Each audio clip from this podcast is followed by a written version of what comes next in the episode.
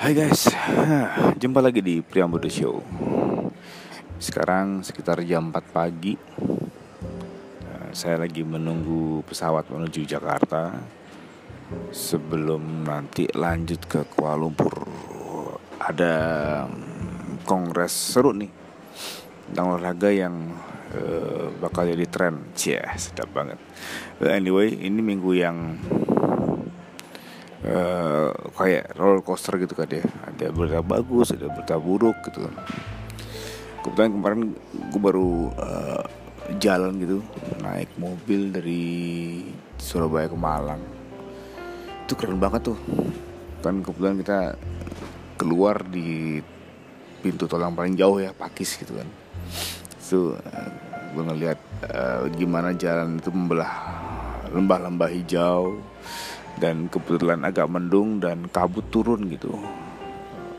Jadi membayangkan itu beyond gitu. Membayangkan sesuatu yang sesuatu yang eternal gitu kan ya. Kayak kisah-kisah pewayangan gitu. Tentang Mahameru melangkah ke Mahameru gitu-gitu deh. Gue jadi inget eh, berita yang eh, bikin bikin kaget gitu. Yang bikin bikin dep lah istilahnya. Majelep banget gitu. di suatu pagi tiba-tiba istri gue ngasih tahu Kobe Bryant meninggal. Hah? Rasanya tuh baru minggu lalu gitu kan ya ngelihat salah satu videonya dia lagi bermain dengan anaknya gitu. Tiba-tiba ada berita Kobe Bryant meninggal. Man why Kobe gitu? Ya gue cuma seorang fans sih cuma seorang penggemar gitu.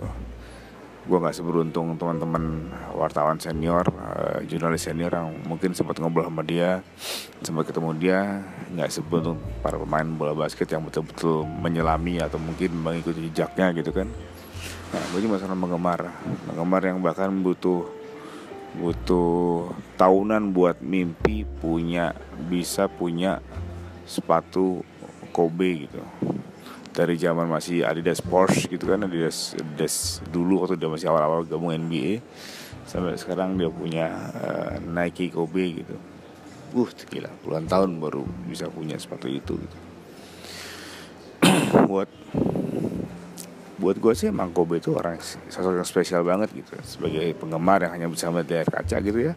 Yang hanya bisa membaca kisahnya dari media-media online eh, sana sono gitu gue ngeliat gue masih inget banget waktu itu emang gue suka Lakers ya kan gitu. Eh, waktu masih SMA gitu kan gue anggap semua yang berbola Lakers pasti keren lah.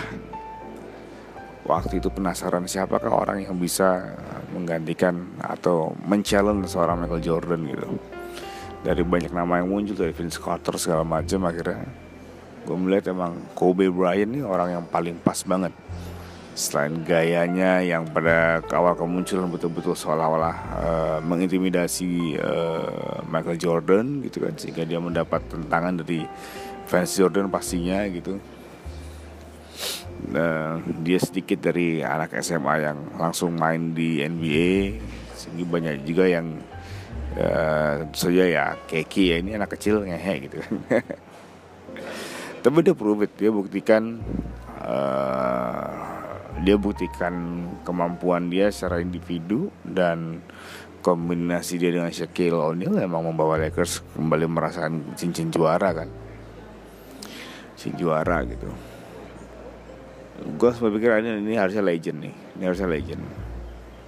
Walaupun kemudian eh, waktu itu belum punya kemampuan buat eh, belum mampu juga sih beli jersey Lakers nomor 8 gitu.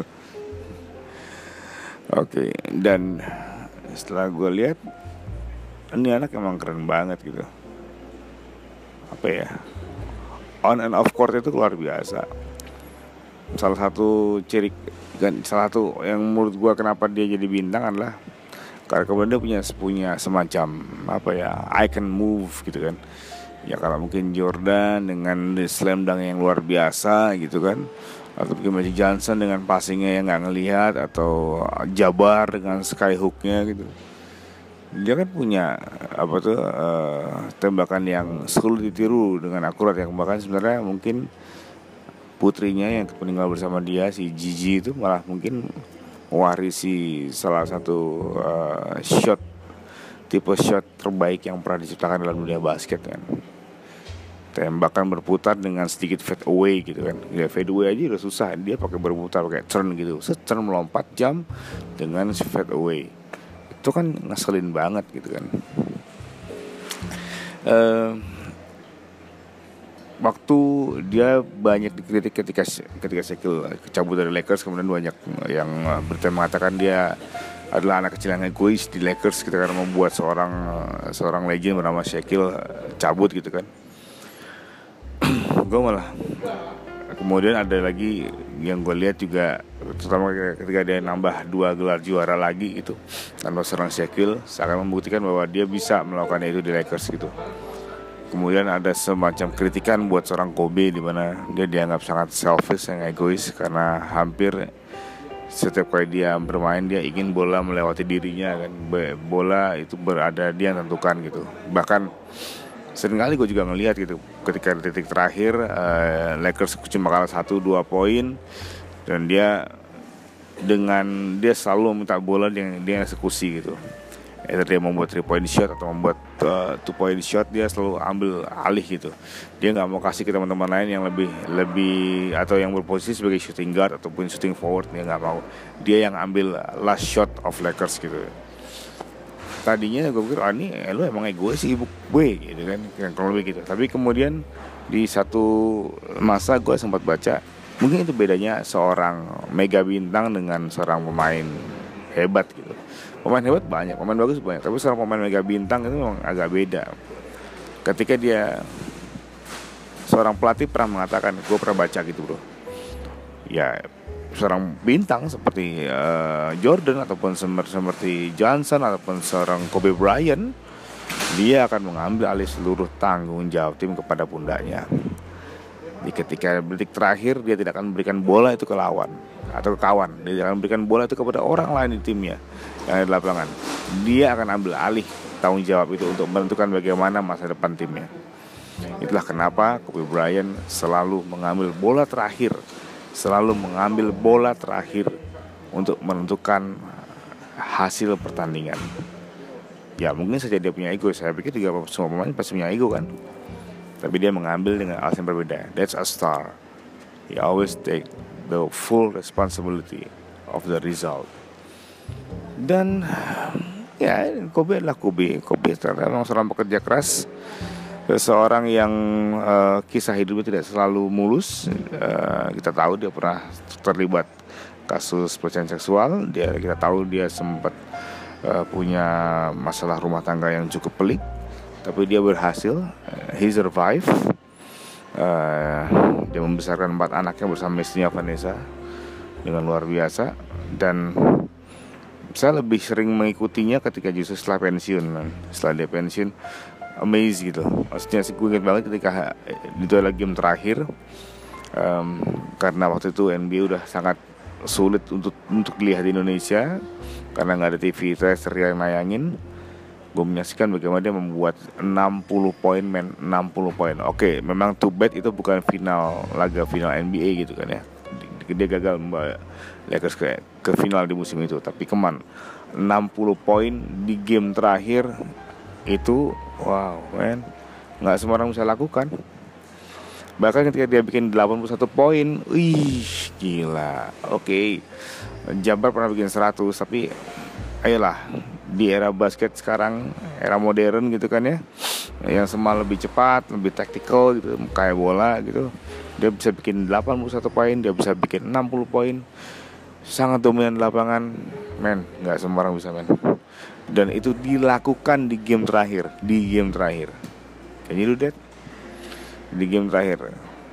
Di depan anak-anaknya di depan penggemarnya di depan pendukung lawan. Wow wow wow, nggak semua orang nggak semua orang bisa melakukan. Dan yang lebih keren lagi adalah sebenarnya membuat semakin makjil adalah apa yang dia lakukan setelah pensiun. Dia tidak tidak terlihat hura-hura tidak tidak terlihat post power syndrome dia bikin film man dia melakukan hal yang berbeda. Dia bikin film dan dapat Oscar.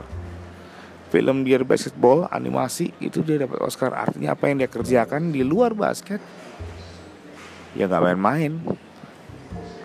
Nggak main-main. Kemudian kemudian dia menjadi pelatih bagi sekolah anaknya sudah bikin akademi untuk anak basket. Wow.